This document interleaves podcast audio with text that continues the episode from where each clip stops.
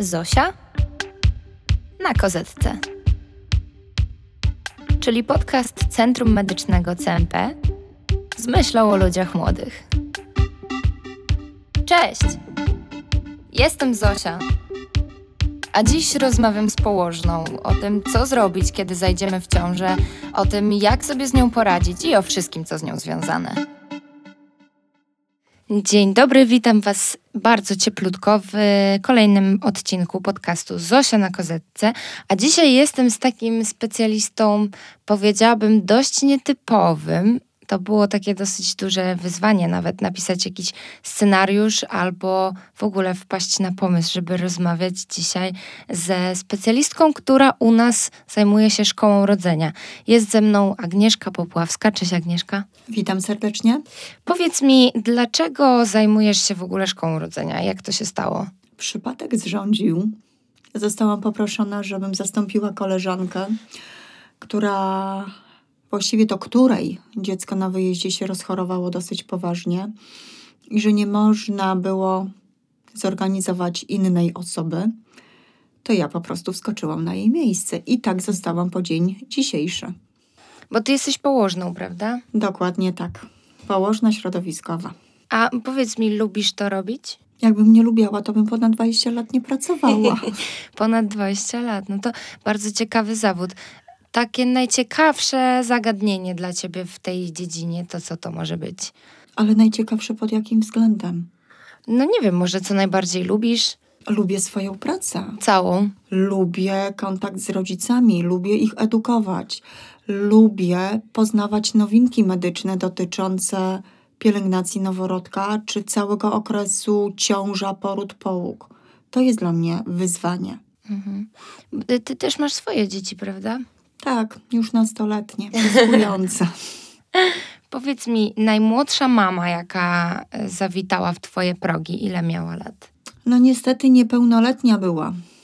Siedemnastolatka. To z nią ją miałam jako najmłodszą mamę, więc cała wizyta patronażowa odbywała się w obecności babci, bo w tym momencie to babcia dziecka była opiekunem faktycznym. Mhm. W jakim wieku teraz my najczęściej zachodzimy w ciążę w ogóle? Bo to się wszystko raczej przesunęło, prawda? I to dosyć tak, mocno. Mhm. No, mówi się już teraz o regularnych chyba stałych pier starych pierwiastkach, e, czyli dziewczyny po 30 roku życia, około 30 roku życia, rzadko kiedy to już są dziewczyny 20-20-paroletnie. 29, 30 i powyżej to już jest chyba taką bardzo normą. Z reguły chcecie, zresztą ja w tej grupie również byłam, skończyć studia, czegoś się dorobić, pozwiedzać, pożyć, czyli jakieś życie towarzyskie też bardzo intensywne mieć, a, do później, a dopiero później realizować się jako rodzice. Jak dużo mamy teraz ciąż młodocianych? Orientujesz się w jakiś sposób takich młodocianych? No bo mm, mówisz, że zwykle już nawet po trzydziestce, ja tak sobie zawsze planowałam, że dwadzieścia parę, ale rzeczywiście, żeby może te studia skończyć przynajmniej, trochę się pobawić właśnie. E, no ale nadal te ciąże młodociane są. Czy orientujesz się może, jakie tam są nie wiem, jakieś statystyki? Nie, nie orientuję się, ale przypuszczam, tak e, pracując w środowisku wielkomiejskim, gdzie rzadko kiedy zdarza się, żeby 22 czy 5-letnia dziewczyna rodziła, to myślę, że ten problem z reguły chyba dotyczy mniejszych miasteczek i środowiska wiejskiego. Mhm. Młodociane w bardzo wczesnym wieku, e, być może jeszcze jakieś e, środowiskowe naleciałości tam zostały a może dziewczyny te też nie mają większych możliwości, choćby finansowych, żeby podjąć studia, żeby rozwijać siebie i tak zostają. Mhm. Czy można zajść w ciążę, jeżeli nawet się zabezpieczymy? Oczywiście, że tak. W jednej z książek położniczo-ginekologicznych jest napisane, że najlepsza metoda to jest szklanka zimnej wody zamiast. Więc żadna inna metoda nie daje stuprocentowej gwarancji, że nie zajdziemy w ciążę. A jaka jest najbardziej skuteczna? Myślę, że to byłby zbyt trudny temat do mm, poruszenia. Dlatego, że osoby, które są mocno wierzące, mocno religijne i tutaj konkretnie y, wiara chrześcijańska, to będzie zabraniała i nie będzie zgodna z ich myśleniem, żeby zastosować metodę farmakologiczną. Mhm. Tutaj będą posługiwać się raczej metodami naturalnymi. Jeżeli dla kogoś to nie jest problem, to farmakologia oczywiście może wspomóc y, zapobieganie ciąży w połączeniu z metodami naturalnymi. Mhm. I myślę, że to może dawać większy gwarant e, i większą możliwość uchronienia się przed y, niechcianą ciążą. Mhm. Po czym w ogóle można poznać, że jest się w ciąży? Bo zwykle się słyszy tylko, że na przykład poranne mdłości albo coś takiego. Bardzo często ktoś się orientuje dopiero po tym, jak parę razy z rzędu e, gdzieś tam rano sobie pomdli, że tak powiem, e, albo po prostu, no wiadomo, nie ma tego okresu, tak? No to to jest taki dosyć poważny zwiastun. Ale czy są jeszcze jakieś inne? No cóż, w dobie dzisiejszej to z reguły planujemy ciążę. Mhm.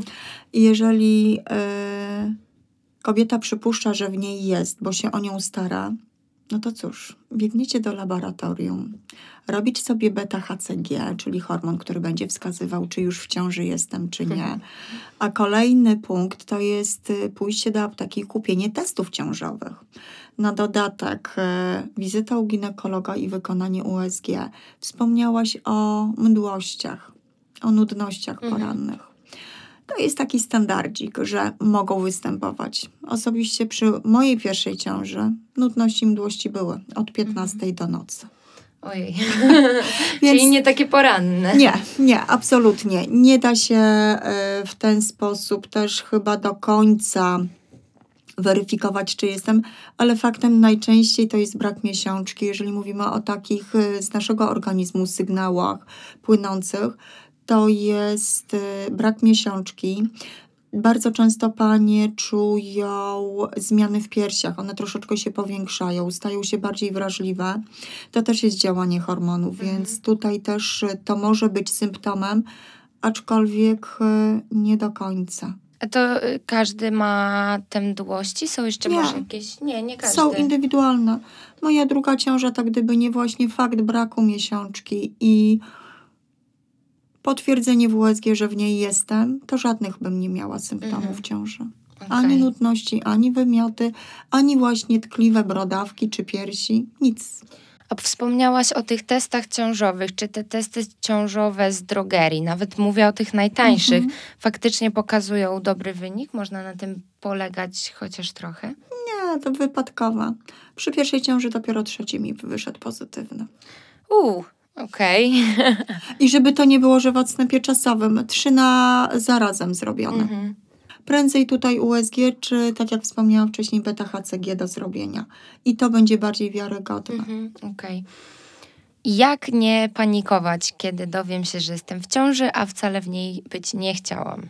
Jak nie panikować? Pytanie, w jakim wieku się jest, bo jeżeli jestem niezależna, No my gdzieś tam, wiesz, ten podcast powstaje mniej więcej dla Mhm. przedziału wiekowego 16-25. To jest dosyć duży rozstrzał oczywiście. okej. Bo 16-letnia ciąża, a 25-letnia ciąża, no to jednak dwie zupełnie różne rzeczy. No ale właśnie załóżmy, że mam te 22 lata, tak jak ja, i zachodzę w ciążę. Wcale w niej być nie chciałam.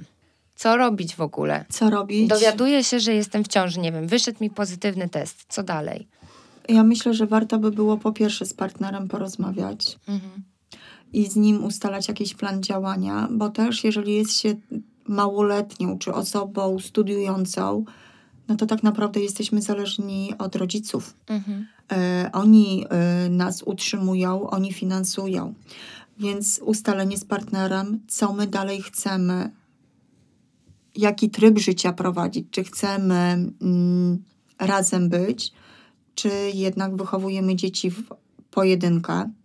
A druga rzecz to rozmowa z rodzicem. Mhm. I tutaj fajnie by było, jakby wszyscy rodzice dawali wsparcie, tak jak wspomniałam na początku tej mojej 17-letniej mamie, bo tam babcia faktycznie e, i ojciec dziecka, bo on absolutnie nie odwrócił się plecami, e, on był, pracował, zarabiał, Mhm. był, to tutaj też wsparcie ze strony rodziców.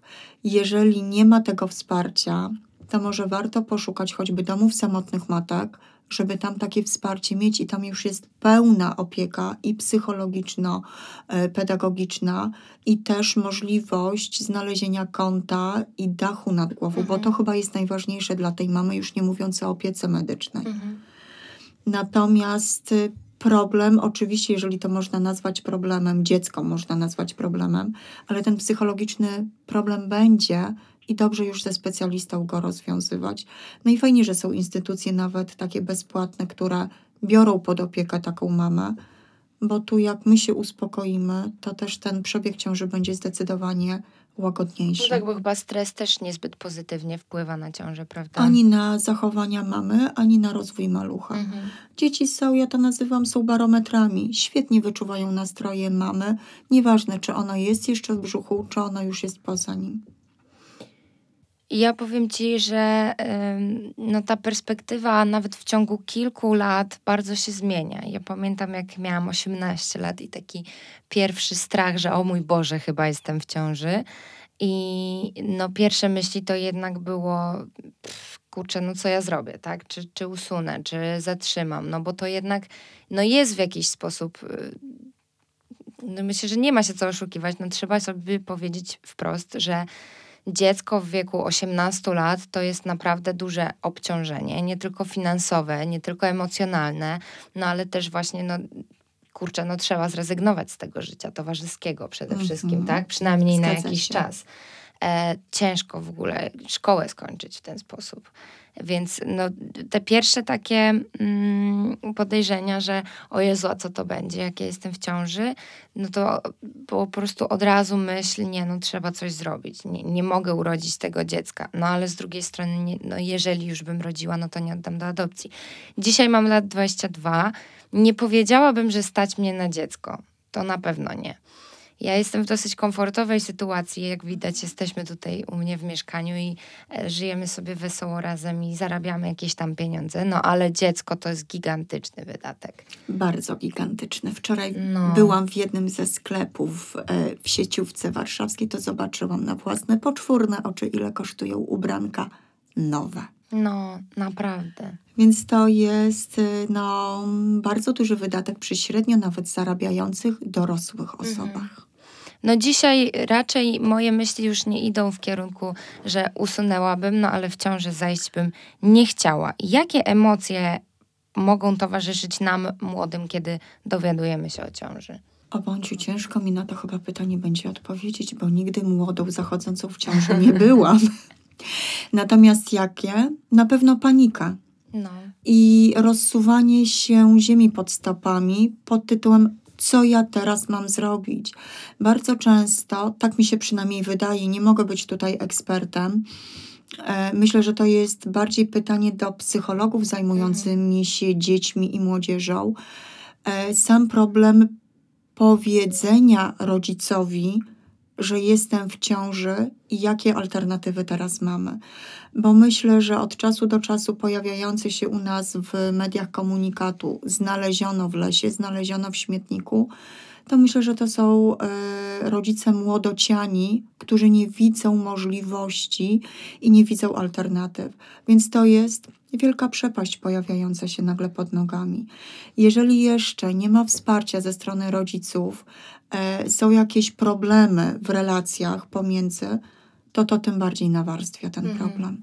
No też trzeba powiedzieć, że gdzieś tam mając te naście lat robienie testu ciążowego, no, przytoczę własną historię, bo e, gdzieś tam właśnie byłam w Pradze czeskiej i nagle mi przyszło do głowy, o Jezu, i nie byłam w stanie naprawdę wytrzymać, nie wiem, tych kilku godzin, żeby wrócić do hotelu, czy gdzie tam żeśmy mhm. mieszkali i zrobić, tylko faktycznie zamknęłam się w jakiejś kawiarni w łazience i zrobiłam tam pierwszy test ciążowy w życiu. I pamiętam, że te trzy minuty oczekiwania na wynik to były najdłuższe trzy minuty w moim Cała życiu. Cała wieczność. Cała wieczność, naprawdę. Ale to teraz tak, żeby odwraca, odwrócić tą y, twoją historię, to myślę, że tak samo czują się kobiety, które pragną mieć dziecka, próbują zajść mhm. i im przez długi czas nie wychodzi. Mhm. I nagle, kiedy jest przypuszczenie, że jestem, to tak samo to dla nich będzie wieczność. Też Więc tę historię mhm. można odwrócić na dwa sposoby.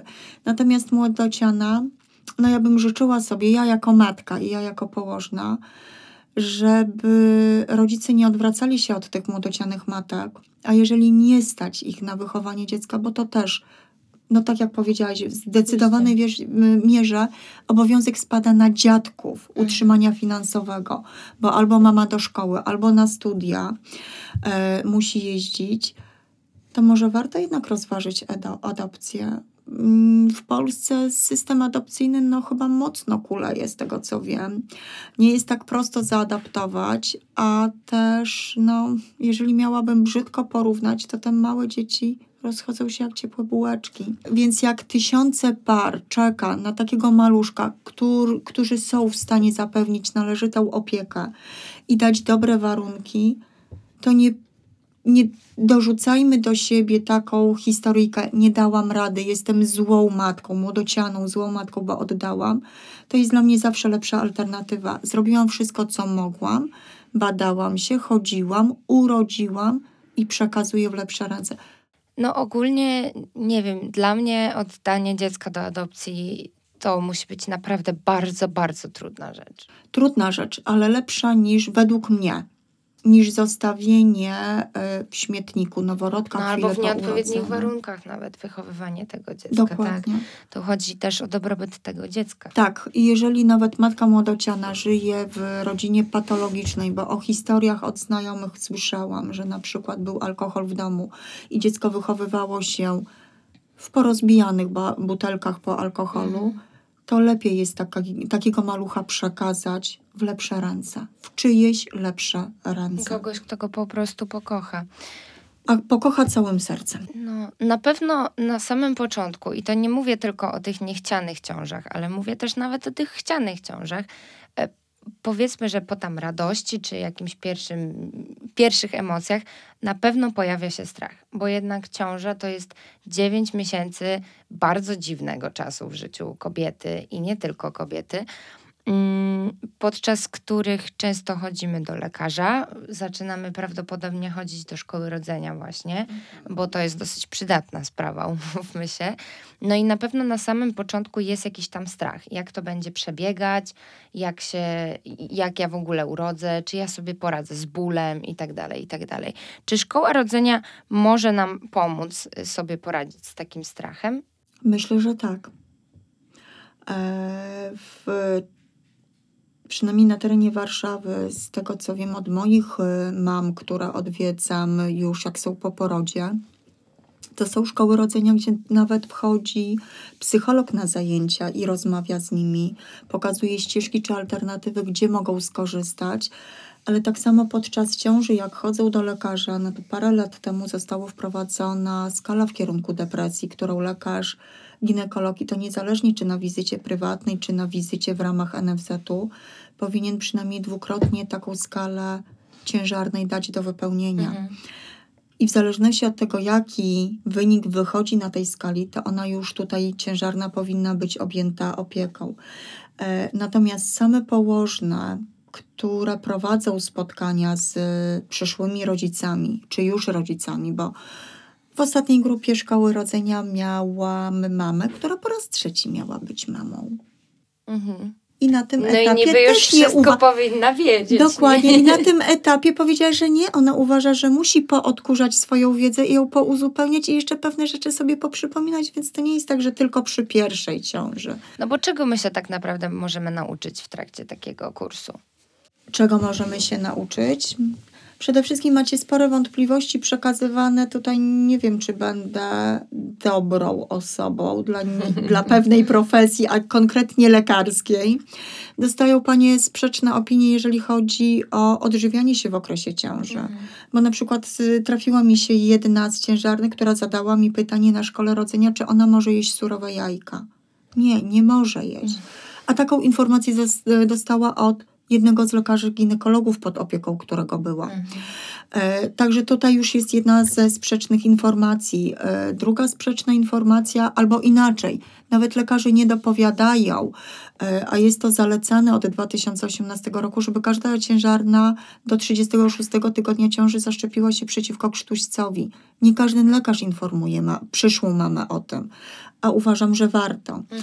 E, także tutaj już takie podstawowe informacje. Z, od strony położnych e, może dowiedzieć się, jakie aktywności może realizować podczas porodu, żeby zmniejszyć dolegliwości bólowe, jakie ma prawa podczas porodu i co możemy uznać za poród prawidłowo przebiegający. Oczywiście mogą Panie sobie sięgnąć do standardów opieki okołoporodowej i tam też to przeczytają, ale co innego jak przeczytamy na kartce białej, gdzie jest czarny druk, a co innego jak dowie się od położnej, która ma jakieś tam już doświadczenie, czy to będzie naście lat, czy 10 lat, to chyba pod tym względem będziemy większym autorytetem. Też ktoś, kto ma to napisane na kartce, to umówmy się, każdy człowiek jest inny. Każda ciąża Oczywiście. jest jakaś, w jakiś sposób indywidualna, tak?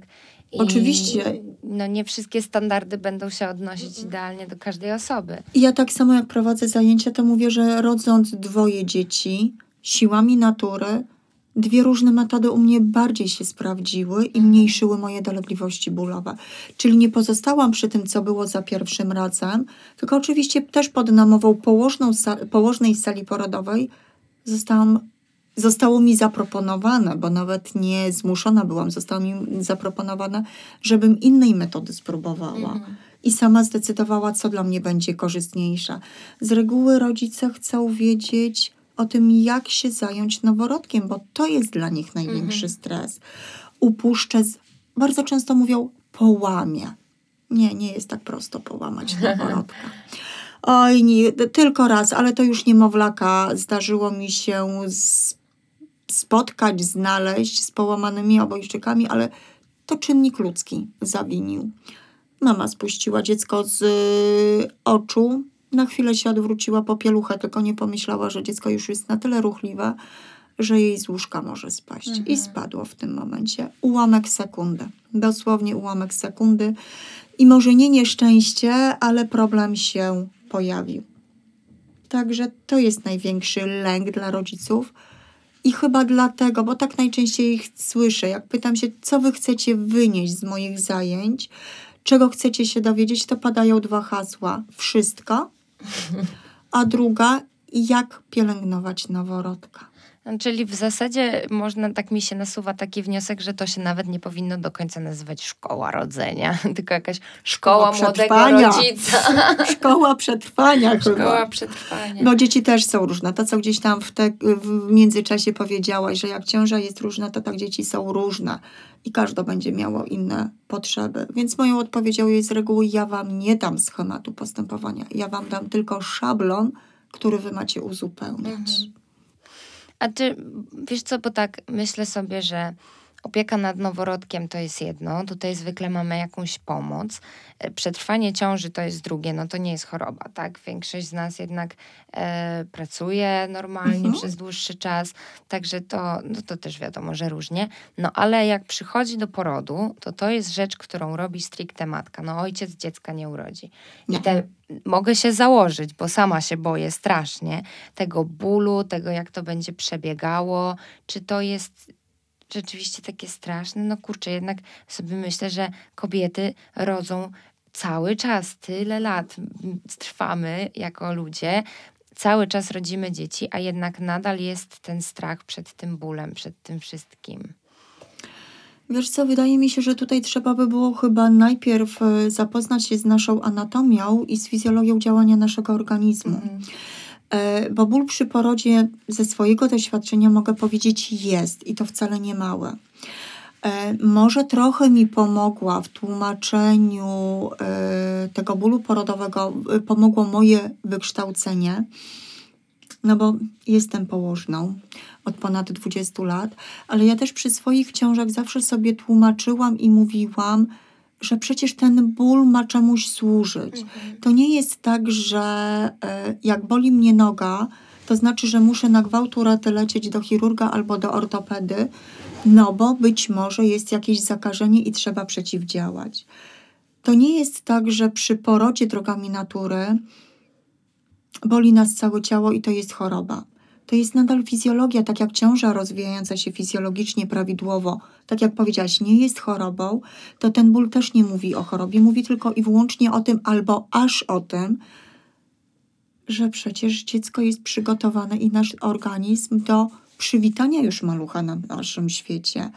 A ból, który się pojawia, mówiąc innym językiem, skurcz macicy, mhm. ma tylko ułatwić maluchowi pojawienie się na tym świecie i przyspieszyć tempo jego rodzenia. I ja tak, e, jak byłam w ciążach, to ja tak sobie od początku mówiłam: No dobra, jesteś w ciąży, zaszłaś, rośnie ci brzuch, rośnie maluch, to pojawi się skurcz porodowy i pamiętaj, że on ma służyć temu, żeby twoje dziecko już znalazło się w twoich ramionach. Mhm. Więc może gdyby tak e, większość mam, zdecydowana większość sobie tłumaczyła, to może ich niepokój też był okiełznany. Mhm. Natomiast e, każda z nas inaczej będzie też odczuwała, bo mamy inny próg bólu. Ja osobiście mogę iść do dentysty i powiedzieć, nie, to nie dajemy znieczulenia i ja na tym fotelu stomatologicznym wytrzymam bez, mhm. ale inna osoba, ja już nawet nie mówię, że tylko kobiety, ale również mężczyźni, zbliżając się do drzwi wejściowych, będzie krzyczało z daleka, ja znieczulenie poproszę, bo inaczej się nie dotknę. A jak wyglądają czasami porody, to ja mogę przedstawić historyjkę. E, każdej jednej ścieżarnej, nieważne w jakim jest wieku, od 21 tygodnia należy się coś takiego, co się nazywa edukacja przedporodowa ze strony położnej. Jest to refundowane przez NFZ, więc panie absolutnie nie muszą ani odprowadzać podatków do miast, ani płacić za szkoły rodzenia. No i ja prowadzę taką edukację w dwóch miejscach w Warszawie. Hmm no i w jedno z tych miejsc przyszła moja ciężarna. 38 tydzień ciąży. Jak tylko zaczęła przychodzić na edukację, to krzyczała: Ja rodzę ze znieczuleniem, ja rodzę ze znieczuleniem, bo macie do tego prawo, dziewczyna. No, no i przyszła z pąsami na policzkach i zadałam pytanie: A co ty masz takie wypieki? Bo ja chyba rodzę. To po coś tu przyszła. No bo może jeszcze czegoś się dowiem, coś posłucham. Na szczęście usiadła tak sobie po przekątnej ode mnie, więc ja kątem oka obserwowałam jej zachowanie. No i mm, zainteresowało, wzbudziło mnie to, że coraz częściej patrzyła na telefon. Nie dlatego, że ktoś do niej dzwonił, tylko dlatego, że kontrolowała godzinę, a dokładniej minuty. I w pewnym momencie, przerywając spotkanie, mówię: Co, coraz częściej masz te skurcze? Mhm to pakuj się do domu, odwieźć ciebie. Nie, ja tu blisko mieszkam, to sobie pójdę, a stary i tak już jest w gotowości. Stary, czyli mąż. Eee, o godzinie 16 z minutami dostałam zdjęcie córeczki, a wyszła ode mnie z edukacji około godziny 13. Niesamowite. I o ile całą ciążę powtarzała sobie, że urodzi tylko i wyłącznie ze znieczuleniem zewnątrz oponowym, żeby ból nie był duży, nie dotrwałam, bo do szpitala jak dojechali, to już była musztarda po obiedzie. Anestezjolodzy powiedzieli za późno rodzimy. Mhm. Więc dziewczyny, można przejść też w taki sposób. E, nasze matki, bo ja bardzo często z tym się spotykam, że słyszycie historie od matek, ciotek, może od babci to nie. Jakie to porody są straszne i są trudne i tak strasznie bolą. Tylko warunki rodzenia się zmieniły. Nasze matki rodziły bez wsparcia osoby bliskiej. Wy teraz bliską osobę możecie zaprosić do siebie ze sobą na salę porodową, która Wam będzie dawała wsparcie. Miały leżeć krzyżem na łóżku i nie mogły wstawać. Wy teraz macie być aktywne podczas porodu. Nie mogły pić, nie mogły jeść. Co prawda, położne na sali porodowych niekoniecznie pozwalają Wam jeść, ale pić możecie. I to wpływa też na Wasze samopoczucie. Mało tego zostało wprowadzane coś takiego jak indywidualna opieka podczas porodu. Mhm. Oczywiście trochę kasy trzeba wyłuszczyć na to, bo trzeba za taką indywidualną opiekę zapłacić, ale jeżeli jesteście pracującymi albo rodzina wspomoże Was finansowo, czy zafunduje Wam takie wsparcie, to może warto też taki aspekt rozważyć, bo kiedyś od jednej z mam usłyszałam, najlepiej wydane pieniądze. Dlaczego?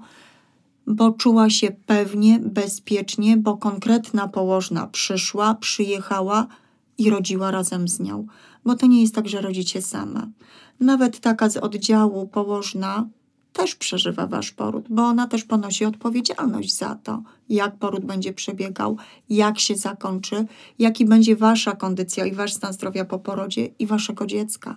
To jest duża odpowiedzialność po naszej stronie położnych, o której z reguły nie myślicie. No to jest w ogóle piękny zawód, tak sobie myślę, że naprawdę jest to jeden z zawodów, do których trzeba mieć prawdziwą pasję i trzeba naprawdę to lubić. Dlatego tak... powiedziałam, ja mam dwa zawody. W jednym w ogóle nie pracowałam. No tak. A może byłoby spokojniej, lepiej?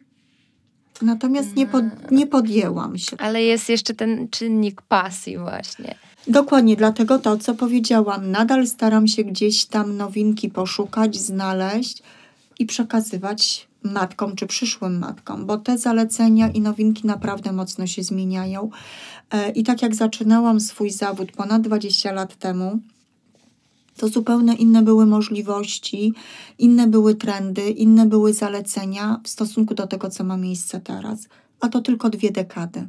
Powiedz mi, czego powinniśmy się wystrzegać w czasie ciąży?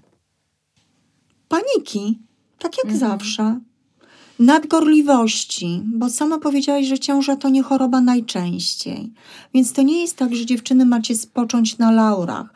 Jeżeli byłyście aktywne fizycznie, to nikt nie powinien was zmuszać do tego, żebyście nagle przestały realizować swoją aktywność fizyczną.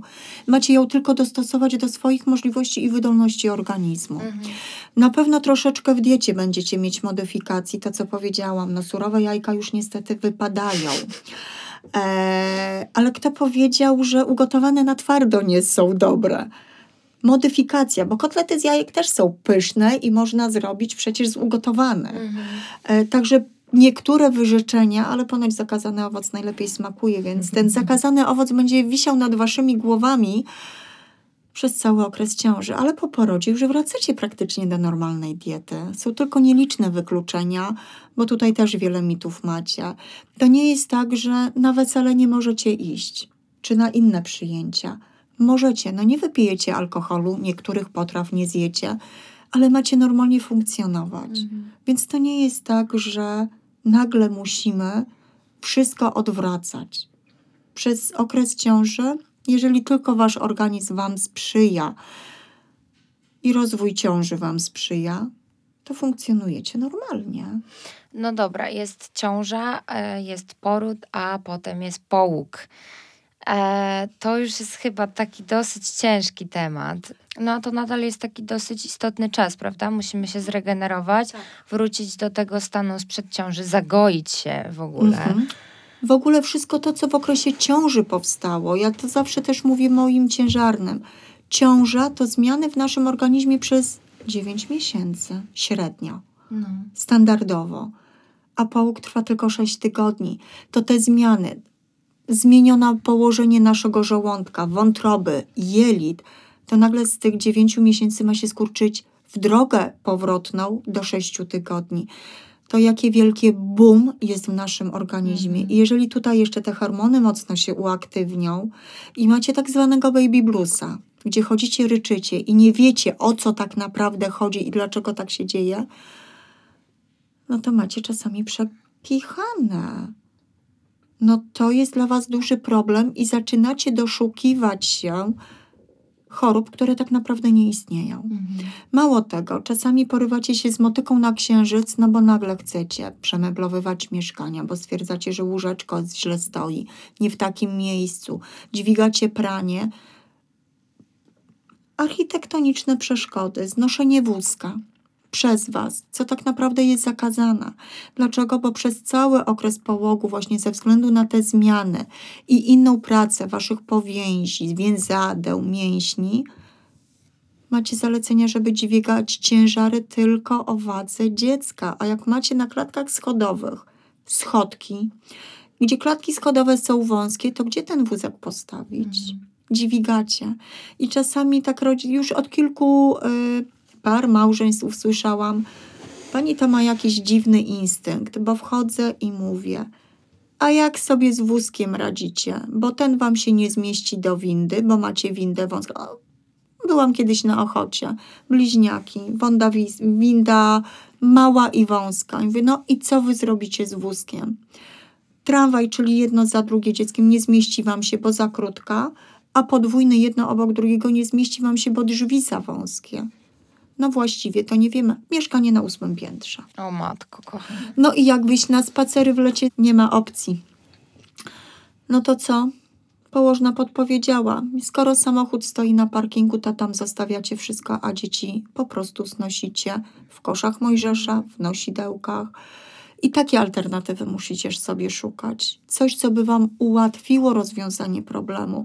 Innym rodzicom napisałam, żeby napisali podanie do administracji o zrobienie zjazdu składanego, który nie będzie blokował też dla innych osób zejścia po schodach.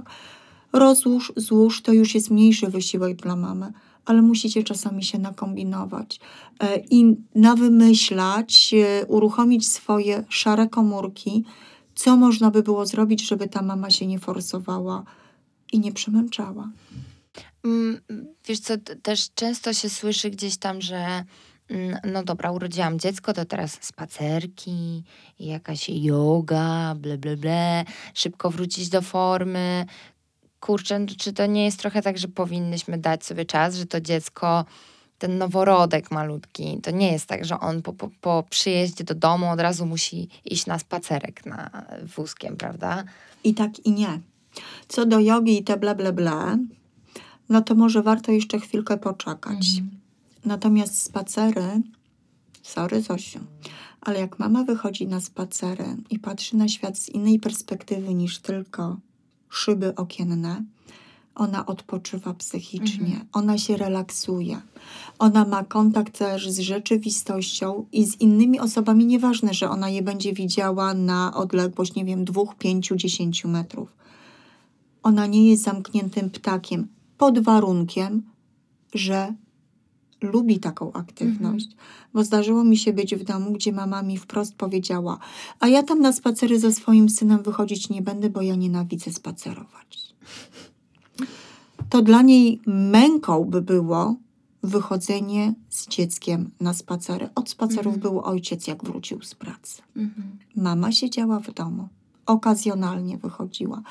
Więc nie, jeżeli tylko ma dobrą wydolność fizyczną po porodzie swojego organizmu, to ona powinna wychodzić i spacerować. Okay. Oczywiście wyjątkiem jest sezon jesienno-zimowy, kiedy jest zimno najczęściej mamy zimno. Tutaj fajnie by było, żeby najpierw dziecko się zaadaptowało do tych innych warunków. No i jeszcze ten nasz kochany smok, to też jest mhm. Y, wyrocznia, tak, bo tak naprawdę zalecenia mówią, że przy wartościach smogu złych i fatalnych mamy nie powinny wychodzić na spacery, czy inni członkowie rodziny nie powinni mhm. z dziećmi wychodzić. Nie mówiąc tak samo o werandowaniu czy o wietrzeniu malucha. E, więc jeżeli tylko są sprzyjające warunki pogodowe, to warto jest tak od pierwszych dni przyzwyczajać i wychodzić, bo ja też sama po sobie wiem, że zdecydowanie lepiej psychicznie się czułam, jak miałam możliwość wyjścia z dzieckiem czy z dziećmi na spacery. A jak ubrać to dziecko na taki spacer? A ponoć sobie rodzice szukają wzoru w necie, u doktora Google'a, jak rozebrać. Tak naprawdę zasada jest jedna. Do szóstego miesiąca życia dziecko powinno być ubrane o jedną warstwą więcej niż my się ubieramy.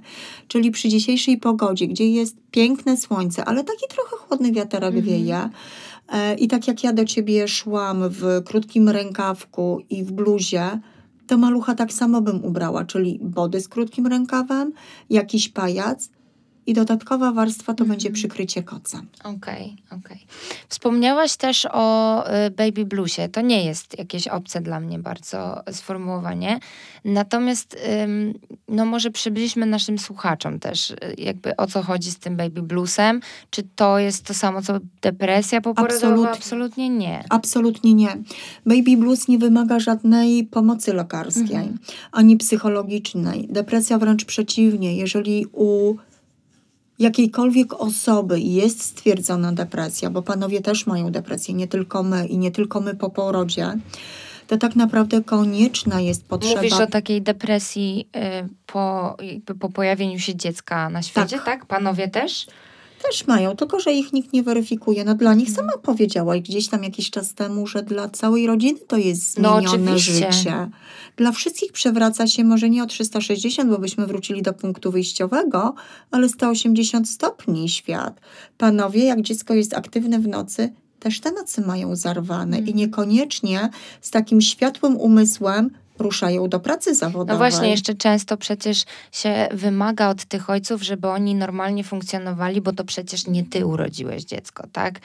Mm, Ale to jest ich dziecko i oni w tym życiu No uczestniczą. dokładnie, oni też nie przesypiają nocy, Mm. oni też, no gdzieś tam mm, przecież jest mnóstwo obowiązków, którymi się trzeba podzielić w tej Mhm. nowej rzeczywistości. To ani jedno, ani drugie nie da rady zrobić wszystkiego. Oczywiście, że tak. No Bardzo właśnie. często jest tak i tak coraz częściej słyszę, że na przykład ustalają sobie pary, że tatuś zajmuje się dzieckiem powiedzmy od 22 do 2 rano, po to, żeby mama wypoczęła i się przespała, a od drugiej rano mama przejmuje dyżur nad dzieckiem. No tak, poza tym, że tata nie nakarmi, nie? Ależ oczywiście, że nakarmi. Butelką. Może mama odciągnąć No może, pokarm tak, i racja, tatuś racja. podaje. I A powiedz mi tak- właśnie tak- Poczekaj, bo przerwałyśmy wątek depresji Faktycznie, i faktycznie. e, Baby Bluesa sama powiedziała, że dla ciebie to nie jest do końca zrozumiała treść i, i nie do końca wiesz, jak to ugryźć i z czym to się je. O tyle fajny jest e, Baby Blues, że to jest zmiana fizjologiczna. Powstaje tylko i wyłącznie z tego powodu, że w naszym kobiecym organizmie po porodzie jest wielki groch z kapustą, jeżeli chodzi o huśtawkę hormonalną, Mhm. o poziom hormonów. W okresie ciąży mamy bardzo wysoki poziom hormonów ciążowych, które mają tę ciążę utrzymać, a później jak już dziecka nie ma, one spadają na łeb, na szyję. Mhm. Nie ma ich. One się praktycznie wycofują do punktu wyjściowego, czyli do momentu sprzed zajścia w ciążę. Natomiast pojawiają się hormony laktacyjne, które były na bardzo niskim poziomie. I te hormony powodują u sporej, bo nie u każdej, ale u sporej ilości pacjentek właśnie zachwiania emocjonalne. Natomiast one cudownie to kobiety funkcjonują, za wyjątkiem tego, że chodzą i ryczą, bo to jest najczęstszy objaw baby bluesa i osuszają sobie oczy i nos, wycierają, to one dzieckiem cudownie się zajmują. Depresja to są zmiany w zachowaniu. Te kobiety wycofują się z życia rodzinnego, a niestety według zdań psychologów i zresztą w jednej z ankiet, którą my, czy lekarze, czy położne możemy w okresie połogu, e, bo w okresie połogu też e, kobieta powinna wypełnić taką skalę, e, to jesteśmy w stanie to ocenić. Natomiast według zdań psychologów, osoby z depresjami, kobiety z depresjami najczęściej popełniają, próbują popełnić samobójstwo Mhm. albo myślą o próbach samobójczych. I to już jest bardzo niepokojące. Przy baby bluesie nie ma takiego myślenia. Mhm. Także to jest duża różnica. Też warto, myślę, o tym mówić, bo to ym, no trzeba jakby gdzieś tam znaleźć te granice, gdzie zacząć szukać pomocy, kiedy zacząć szukać pomocy, nie? Kiedy pójść do Mhm. tego psychologa, pogadać, e, a kiedy już trzeba pójść do psychiatry i, i Ale świadomość tam. nasza jest niestety kiepska. Mhm. bo ze trzy lata temu, no tuż przed COVID-em, przed wybuchem pierwszej e, fali COVID-u, zdarzyło mi się być e, na wizycie, gdzie mama ode mnie dostała e, ankietę do wypełnienia w e, skali depresji. No niestety wypełniła niekorzystnie dla siebie, ale szczerze odpowiadała. Pod jakim względem? No tyle punktów y, zaznaczyła, że od razu ode mnie dostała informację, że ma się skontaktować z psychiatrą i dostała namiary na psychiatry Mhm. w ramach NFZ-u. Co usłyszałam w odpowiedzi? Jak to do psychiatry? Ale przecież to jest lekarz od wariatów. Jeżeli mamy taką informację, że to tylko jest od tych osób, które mają zaburzenia, mm, choroby stwierdzone e, na podłożu właśnie nerwowym, no to chyba nie tędy droga. Mhm. Czyli nasza świadomość nadal gdzieś tam chyba mocno jeszcze kuleje. Może Tak, lepiej to pozwolę jest... sobie odesłać wszystkich tutaj do odcinków z psychologiem, bo tam też poruszamy ten temat, że ta mentalność nasza, to podejście do psychiatrów, psychologów już się trochę zmienia, ale nadal jesteśmy trochę jeszcze w tej strefie tabu tego, że psychiatra jest lekarzem od wariatów. Tak, takiego i ja powiedziałam o y, ośrodku wielkomiejskim, Mhm. tak? Żoliborz, centrum Warszawy. I mi mama mówi, mama, która ma wykształcenie wyższe, mówi mi, że to jest lekarz od wariatów. Natomiast, żeby tak trochę to odwrócić, to też na innej wizycie patronażowej byłam. Mm, Stety albo niestety trafiłam na moment zagęszczonej atmosfery w domu, bo rodzice byli świeżo po awanturze. Więc, drodzy Państwo, takie historie też się pomiędzy Wami spra- zdarzają. E, chodziło o zakres pielęgnacji dziecka. Niby z igły zostały zrobione widły. Natomiast też wyszło w skali, że mama no, ma małe, pra- małe problemy emocjonalne, ale nie, psych- nie pokierowałam do psychiatry, tylko do psychologa. No i tatuś tak siedząc sobie na lajciku w pewnym momencie mi mówi, a ja tam chodzę do psychologa. No i tak mnie to uderzyło. Jak to? Facet, który przecież z reguły mamy taki schemat powielany. Facet taki twardy, taki no barczysty. No przecież on tutaj Ze głowa rodziny. Tak, głowa i szyja, która całym życiem naszym kręci. Mówi mi, że chodzi do psychologa. I zadałam pytanie mu, ale po co? Nie żeby krytyka, tylko intryga. Z ciekawości. To była tak ciekawość, zainteresowanie. To co mi tatuś odpowiedział? Dziecka? Żeby być lepszym dla siebie. Bo jak będę lepszy dla siebie, to będę lepszy dla otoczenia. I to po prostu była taka cudowna myśl, która mnie urzekła. Mhm. Facet rosły, wyższy ode mnie, a ja mam przysłowiowy metr w kapeluszu, barczysty, mówi mi, że on korzysta z pomocy psychologa po to, żeby swoje codzienne problemy rozwiązywać, a nie gdzieś tam przedeptywać obcasem i tłamsić w swoim ciele. Tak, no też y, trzeba na pewno przy pojawieniu się dziecka trzeba będzie się nauczyć no, jakiegoś, jakiejś formy innej komunikacji, prawda? To zwykle wszystko się dzieje szybko. Te awantury myślę, że wcale nie są rzadką rzeczą. Nie, zwłaszcza tak jak e, powiedziałam, baby blues burza hormonalną, więc to my kobiety bardzo często z igieł robimy Tak, I- widły. I, no i gdzieś tam wszystko, tak? I pieniądze, i czas, i zmęczenie, wszystko się odzywa. Mhm. I myślę, że to jest całkowicie normalne. Także wielki szacun, że chodził do tego psychologa, że się uczył. To jest y, naprawdę, myślę, wartościowe. Ostatnia rzecz, jaką chcę poruszyć, to jest jeszcze ta nieszczęsna wyprawka trochę. Bo bardzo często gdzieś tam, nie wiem, wchodzę na media społecznościowe i widzę, ktoś jest w ciąży, dobra, no to idzie na wielkie zakupy, wydaje tysiące złotych, łóżeczka, wózki, ble, ble, ble, ubranka i tak dalej. Ja osobiście raczej jestem zwolennikiem korzystania z rzeczy z drugiej ręki, bo przecież to dziecko w ciągu kilku dni jest w stanie wyrosnąć z tych ciuchów. No i powiedz mi, na co tak naprawdę warto przeznaczyć te pieniądze, jeżeli, no powiedzmy, mamy jakiś tam budżet. Co jest taką pierwszą rzeczą, którą naprawdę musimy kupić? No wiesz, no mogę chyba tylko rozwinąć twoją myśl, bo ja mam w zdecydowanej większości podobne myślenie wychodzi na to, jak ty. E, może dziecko nie wyrasta w przeciągu kilku dni, ale raptem paru tygodni. Paru to, drodzy Państwo, nie jest 5-6 tygodni. Po trzech, maksymalnie czterech tygodniach zmieniacie garderobę na większą. E, I według mnie, dopóki dziecko tak intensywnie rośnie, a tak przez pierwsze półrocze będzie bardzo intensywnie wzrastało, dla mnie trochę bez sensu jest kupowanie ubranek przecudownych, bo wczoraj naprawdę widziałam przepiękne ubranka dla dziewczynek na oczy, mając dwóch synów, te oczy mi się świeciły, jak nie wiem co, jak żaróweczki, jak halogeny. E, taki piękny wzór, ale za jedno ubranko wydać około 40-70 zł, a kurteczka cieniusieńka dla dziecka, rozmiar 56, 100 zł.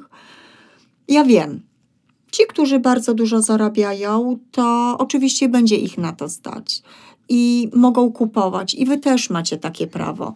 Natomiast te rzeczy, tak jak powiedziałam, przez krótki moment będą służyły i ja jestem zwolennikiem drugiego życia Mhm. ubrankowego.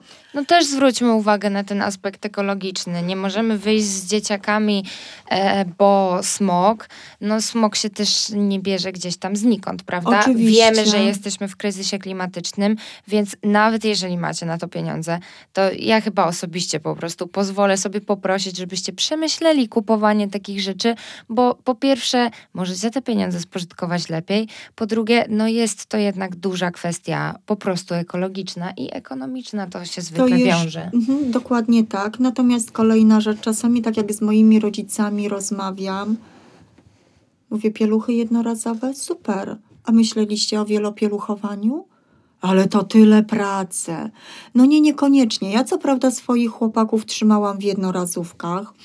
Nie pomyślałam, bo też nie było takiego trendu właśnie, żeby myśleć o wielopieluchowaniu. Modne były bardzo jednorazówki, ale jak rozmawiam z rodzicami, którzy mają dzieci w wielopieluchach, to wcale nie przekazują mi informacji, że mają nagle dużo więcej pracy. Rozmawiając z jedną czy z drugą mamą, mówi: E tam, tak jak co drugi dzień nastawiałam pralkę z rzeczami dziecięcymi, to nadal nastawiam co drugi, Mhm. co drugi dzień. E, od innych słyszę, że to jest do, dru, wysoki koszt zakupienia e, zestawu wielopieluchowego. No ale jednorazówki, proszę. Nie, no to właśnie chcę porównać i dać tutaj informację. Nie ja liczyłam, od razu zaznaczę, nie ja. Od rodziców słyszę, okej, wydaliśmy tysiąc złotych na wielopieluchy, ale w skali roku, jak przeliczyliśmy sobie jednorazówki, cztery tysiące, więc drodzy Państwo, trzy tysiące macie w kieszeni około. Czyli tak naprawdę dla jednej osoby wyjazd prawie dwutygodniowy za granicę. Więc pomyślcie też w perspektywie czasowej. Zadałaś pytanie, co warto, Mhm. tak?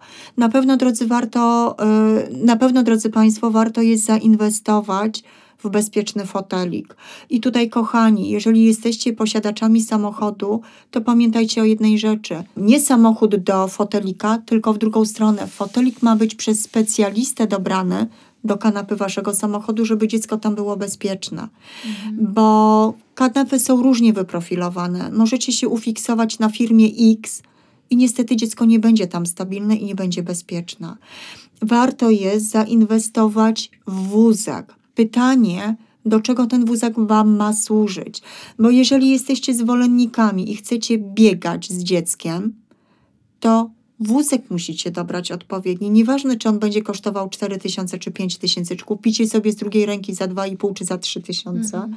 ale realizując swoją pasję, musicie pomyśleć o bezpieczeństwie, o bezpieczeństwie dziecka. Jeżeli mieszkacie e, czy lubicie jeździć na wycieczki leśne, to nie kupujecie wózka z małymi kółkami, który będzie wam się zakopywał, kupujecie do, duże koła. Dziewczyny, wy z reguły składacie i rozkładacie wózek, bo wy z reguły jesteście z dziećmi. Musicie pomyśleć o tym, czy łatwo wam będzie złożyć, czy będzie wam się mieścił w bagażniku, czy on będzie lekki tak, żeby, nie wiem, po dwóch, trzech stopniach, bo przeszkód architektonicznych mamy bardzo dużo w różnych miejscach. Czy dacie radę go znieść? Czy on będzie dobrze skrętny? Czy gondola będzie na tyle duża w pierwszych miesiącach, że dziecko tam się pomieści? Więc jest szereg aspektów. Mnie bardzo cieszy, że powstaje bardzo dużo hurtowni e, i specjaliści są, którzy pomagają Wam dobrać wózek, ale Wy musicie najpierw pomyśleć o kryteriach, które Wasz wózek może, musi realizować i spełniać. Ale też te inna historia. Tatuś prawie dwa metry, no i co? Już będzie ten wybór wózków mocno ograniczony. Więc nawet Wasza wysokość też będzie tutaj miała duże znaczenie, bo nie Tak, możecie Myślę, że chodzić. warto jest jednak tutaj polegać na tych specjalistach. Teraz już mamy ludzi, którzy naprawdę znają się na rzeczy i tu Mhm. przestało chodzić już o to, żeby ten wózek był ładny, ale on musi być przede wszystkim funkcjonalny. Dokładnie. Mało tego, wiem, że gdzieś w Warszawie, bodajże Włochy, Ursus, powstał jakiś hangar z wózkami, to wiem od moich Mhm. pacjentek, gdzie są ścieżki, gdzie O, dany proszę. wózek można przetestować na ścieżce kamienistej, piaszczystej, chodniku, asfalcie, leśnej i to ponoć panowie tam pracujący sami zrobili. Więc szukajcie sobie takich też punktów, bo to co powiedziałam, gdzie wy ten wózek chcecie wykorzystywać. Tak, no mamy 9 miesięcy, to jest kupa czasu, żeby te wszystkie rzeczy gdzieś tam sobie poogarniać. E, może skorzystać z pomocy położnej, może pogadać po prostu z osobą bliską, może nawet udać się do psychologa. Przecież są, nasze potrzeby są bardzo, bardzo różne myślę, że e, na pewno po dzisiejszym spotkaniu mogę polecić pójście do szkoły rodzenia, szczególnie do Agnieszki, bo Agnieszka jest bardzo polecana w tej kwestii i naprawdę wszyscy ją bardzo, bardzo kochają. Zresztą ja też zdążyłam się w niej już zakochać. Agnieszka, bardzo, bardzo Ci dziękuję. Naprawdę świetnie mi się z Tobą rozmawiało. Myślę, że pokryłyśmy absolutnie wszystko, co tacy młodzi rodzice e, przyszli mogliby chcieć wiedzieć. To ja dziękuję również za spotkanie i mam nadzieję, że małe co nieco dołożyłam do zakresu Waszej wiedzy. A na pewno mam nadzieję, że trochę uspokoiłam, że to nie jest taki diabeł straszny, jak go mhm. rysują. No, także życzę Wam serdecznie, żebyście trafili pod takie skrzydła do szkoły rodzenia i nawołuję, żebyście skorzystali z takich usług. Dziękuję pięknie za spotkanie. Dzięki serdeczne.